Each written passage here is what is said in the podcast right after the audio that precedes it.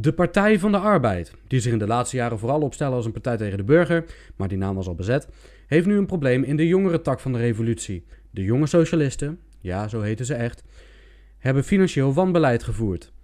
Wij vinden dat natuurlijk niet zo heel interessant, want we weten al jaren dat socialisten niet meer geld om kunnen gaan. Maar we moeten het er toch heel even over hebben. De jongere tak zegt dat oud-penningmeesters de fout in zijn gegaan. Het huidige bestuur, voorzitter Bob den Oude, penningmeester Tim Nelle en secretaris Xi Jinping laten in de verklaring weten, quote... Oud-penningmeesters hebben onze financiën verpest voordat wij dat konden doen.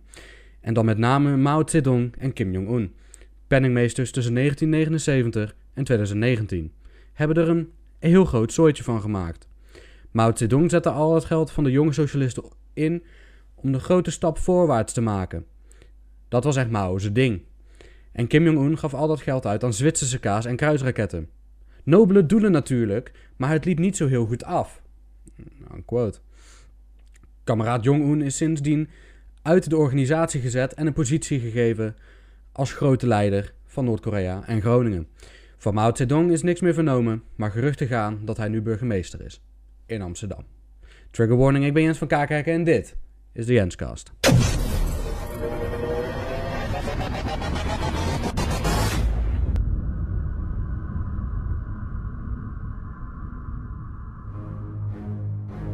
En te weinig hebben opeenvolgende Nederlandse regeringen na 1863 gezien en erkend dat het slavernijverleden een negatieve doorwerking had en heeft. Daarvoor bied ik namens de Nederlandse regering excuses aan. Does it say that in the bill? You have the charisma of a damp rag and the appearance of a low-grade bank club. We zitten het hele weekend te onderhandelen omdat we zogenaamd het niet weten. Het ministerie wist het al acht maanden. We zijn in de val.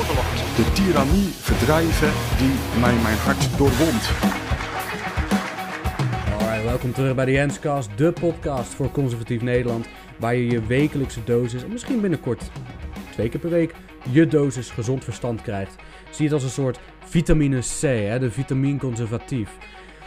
En we beginnen meteen met waar de intro over begon.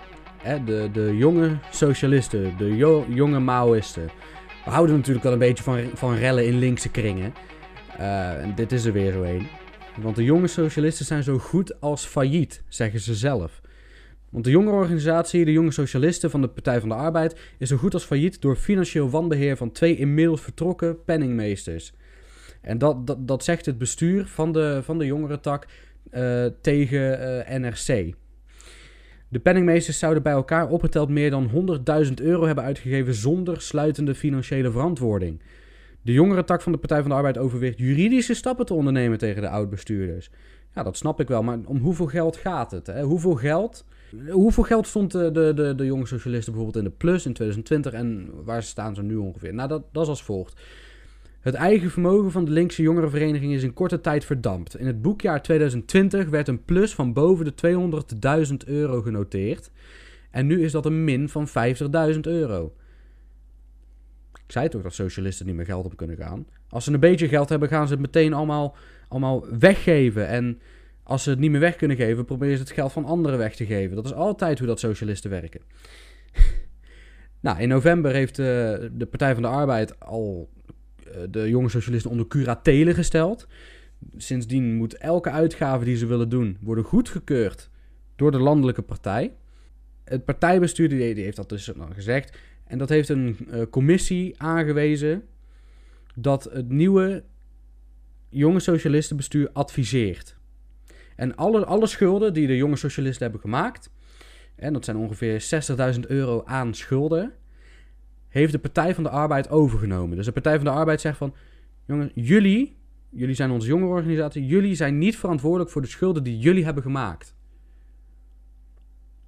Klinkt bekend en dat loopt meestal niet heel goed af. Dus de Partij van de Arbeid, van in ieder geval de jongere tak daarvan, is uh, zo goed als failliet.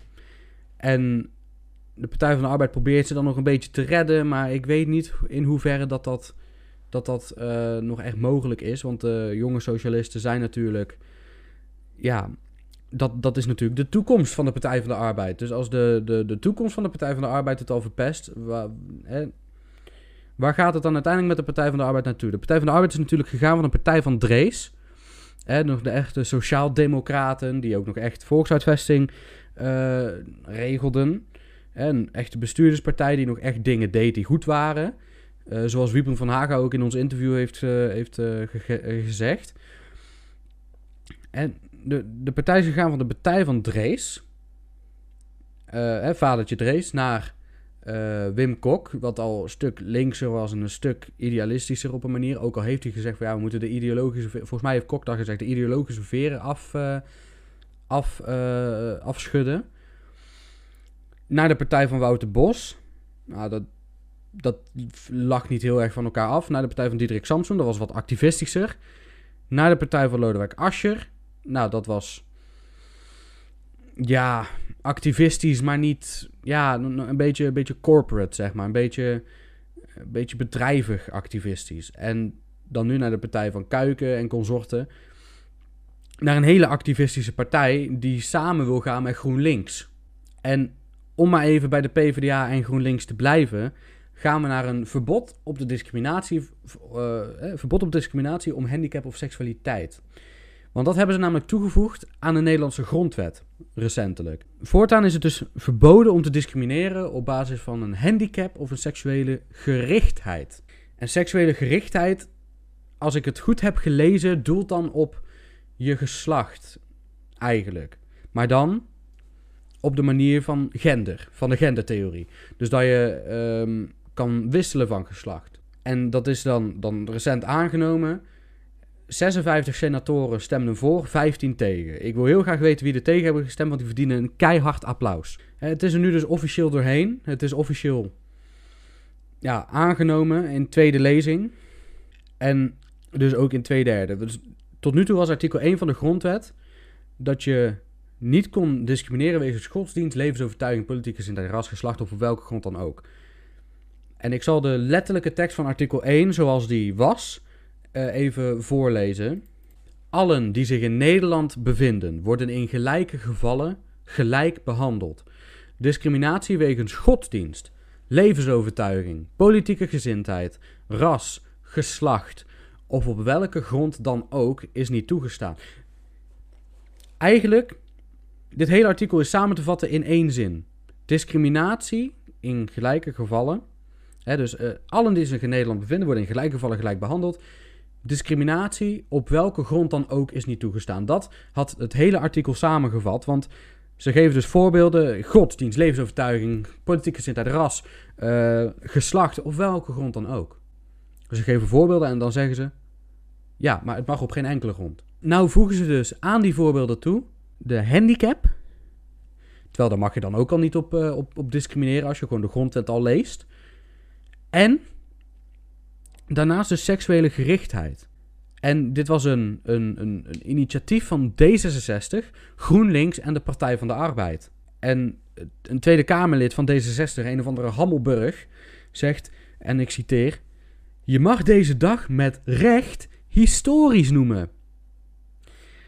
Een beperking of op wie je verliefd wordt mogen nooit reden zijn te worden buitengesloten.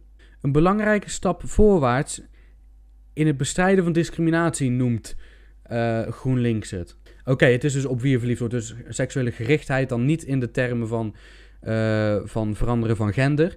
Maar veranderen... Uh, nou, niet eens veranderen, maar gewoon dat je... Of je homo bent of hetero of panseksueel of is het, biseksueel. Gewoon de, de verschillende vormen van geaardheid. Nu, nu komen we tot de belangrijke. Wie hebben er voor en tegen gestemd? Voor hebben gestemd D66, GroenLinks, Partij van de Arbeid natuurlijk, dat zijn de initiatiefnemers. Maar ook VVD, CDA, de Christelijke Partij CDA, de SP, de ChristenUnie, de Partij voor de Dieren, 50 plus, de fractie Otte en de onafhankelijke senaatsfractie. En dan nu, wie hebben er tegen gestemd? Want dat zijn natuurlijk de echte helden. Dat zijn de SGP, de PVV, Forum voor Democratie, de fractie Nanninga, die kan je eigenlijk gewoon beter JA21 noemen, en de fractie Frentrop. Afsplitsing van FVD wederom. Dus voor hun groot applaus. Dankjewel. Want er moeten mensen zijn die hier tegenstaan. Er moeten mensen zijn die hier, hier een tegengeluid tegen eh, aanbieden. En wie dat dan zijn, of dat de SGP, de PVV, de Forum voor Democratie, Ja 21, wie het dan ook mogen zijn, dat maakt me niet uit. Maar er moet een, een, een, een tegengeluid zijn tegen dit soort ideologie. Want je voegt nu gewoon dingen toe die eigenlijk geen enkele waarde hebben. Sowieso vind ik dat artikel 1 van de grondwet er eigenlijk gewoon uit moet. Want het is een niet-zeggend artikel. Het is een niet-zeggend artikel wat niet kan worden... Uh, uh, niet, niet hard kan worden gemaakt. Het kan niet worden uh, afgedwongen bij de rechter. Je kan er niks mee. En daarnaast is het gewoon een links, links stokpaardje van... Ja, we zijn allemaal gelijk. Ja, we, we, we worden allemaal gelijkwaardig behandeld. Maar we zijn niet gelijk. Ik ben niet hetzelfde als de filiaalmanager van de Albert Heijn. Ik ben niet hetzelfde als een Tweede Kamerlid. Mijn filiaalmanager bij Albert Heijn is niet hetzelfde als een mediaondernemer. Mijn.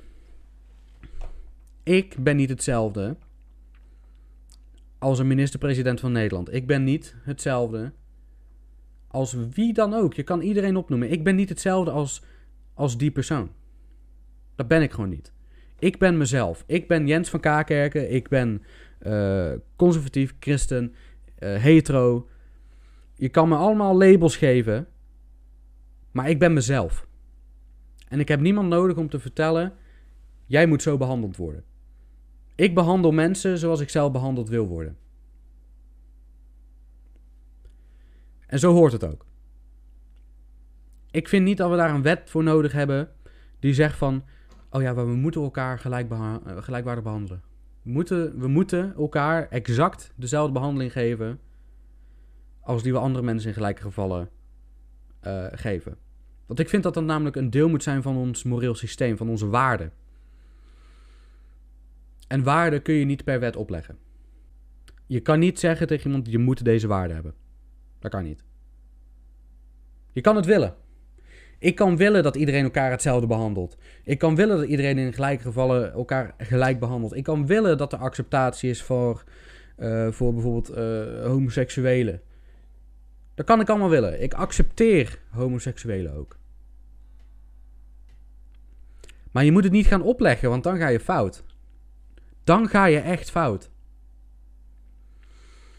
En de voorzitter van het COC, eigenlijk gewoon een belangengroep voor homo's, zegt, en ik citeer: Een historische overwinning voor de regenbooggemeenschap. Eindelijk, eindelijk worden LHBTI-rechten trots genoemd in artikel 1 en niet meer weggemoffeld. LHBTI, ik denk dat hij een beetje achterloopt.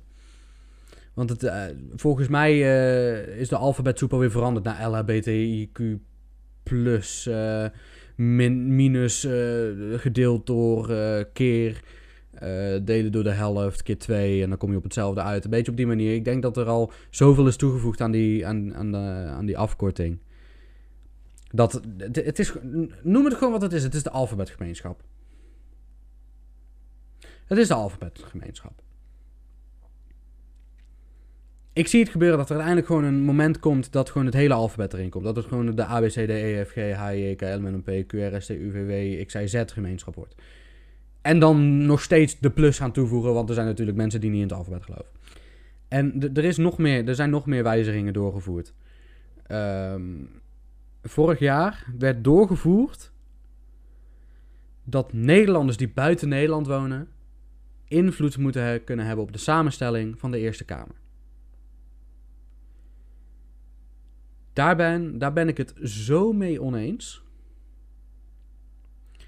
Als je buiten Nederland woont, dus buiten het gebied waar de Eerste Kamer jurisdictie over heeft. Waarom moet je dan invloed hebben op de samenstelling van de Eerste Kamer?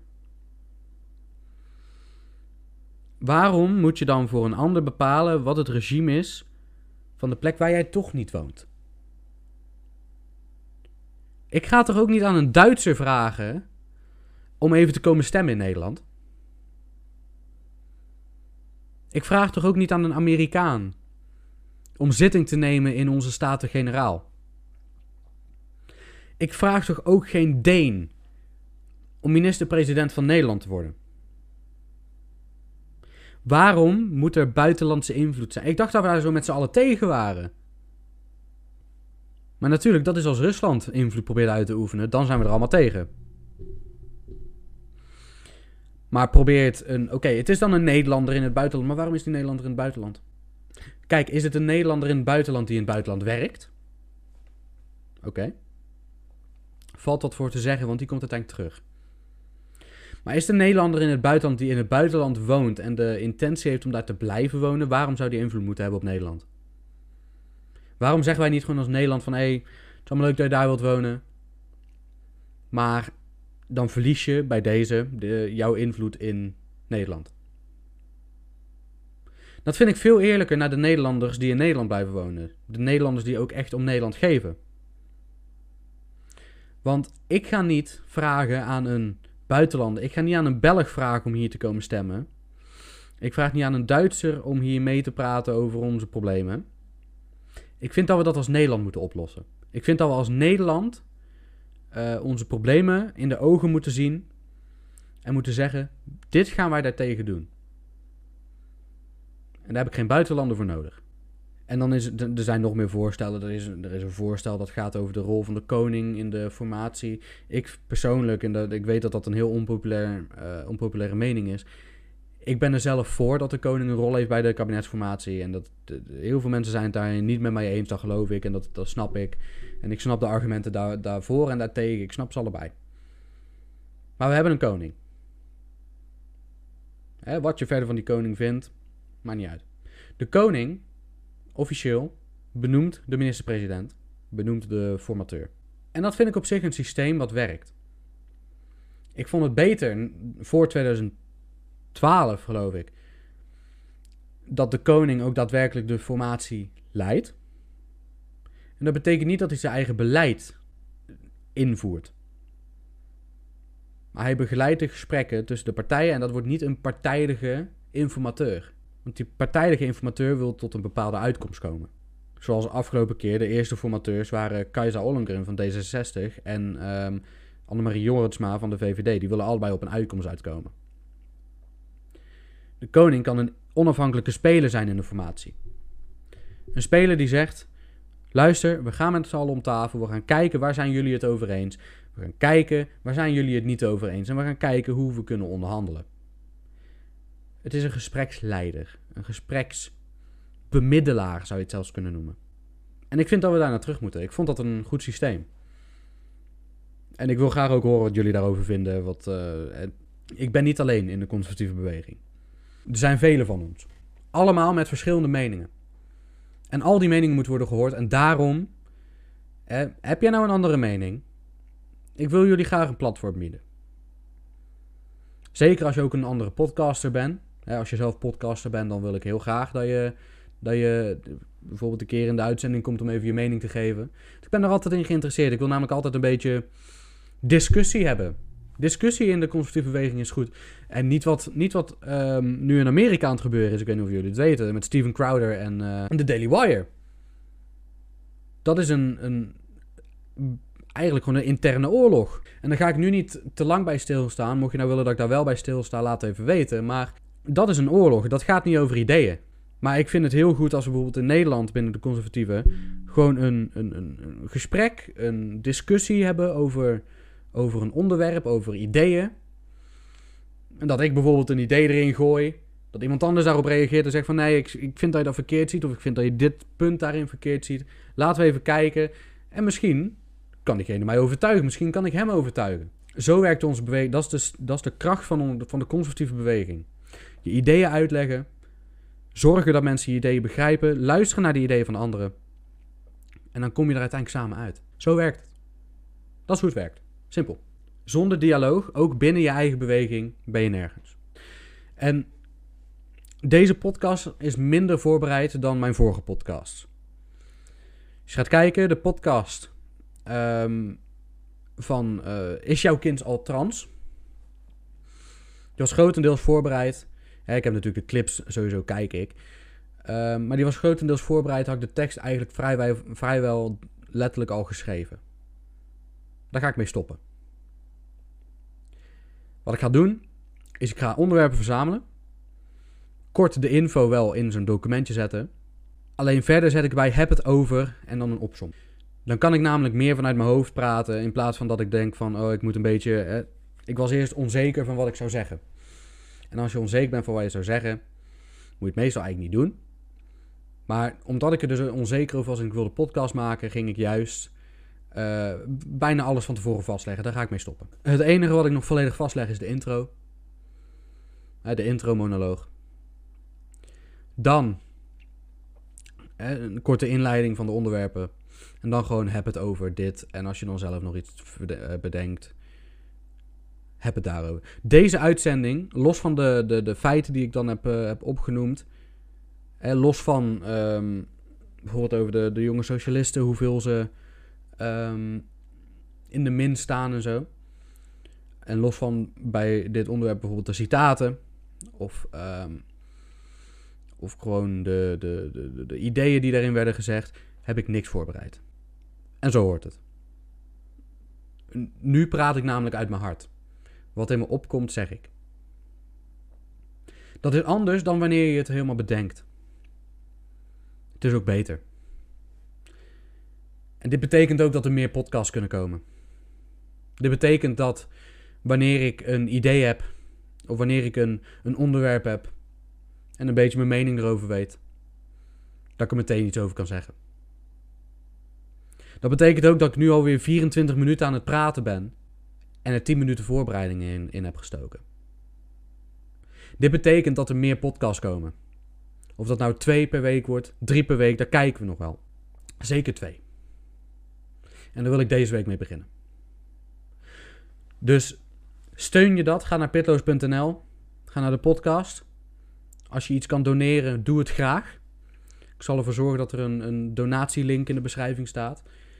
Deel dit met al je vrienden die geïnteresseerd zijn in politiek of die uh, een conservatieve blik wel kunnen gebruiken. En ik hoop dat je hebt genoten van deze aflevering. Tot de volgende keer. Ik ben Jens Verkakerken en dit was de Jenscast voor Pitloos Network.